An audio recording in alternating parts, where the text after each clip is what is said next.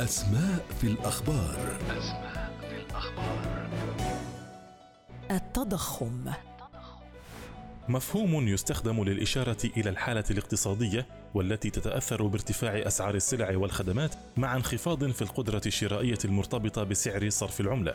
يعرف ببساطة بأنه الزيادة العامة في أغلب قيم الأسعار مع انخفاض القيمة الفعلية للنقد المتداول. هناك أنواع للتضخم تؤثر على قطاعات اقتصادية مختلفة. التضخم الأصيل ينتج بسبب زيادة عدد السكان ما يؤدي إلى ارتفاع حاجاتهم الاستهلاكية فتصدر الحكومات كميات كبيرة من العملات ما يؤدي إلى ارتفاع أسعار المنتجات.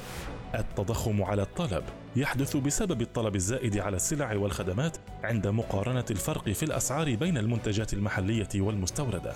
التضخم المتسلل يبدأ بطريقة تدريجية مع انخفاض معدلات الإنتاج وقلة توافر السلع والخدمات.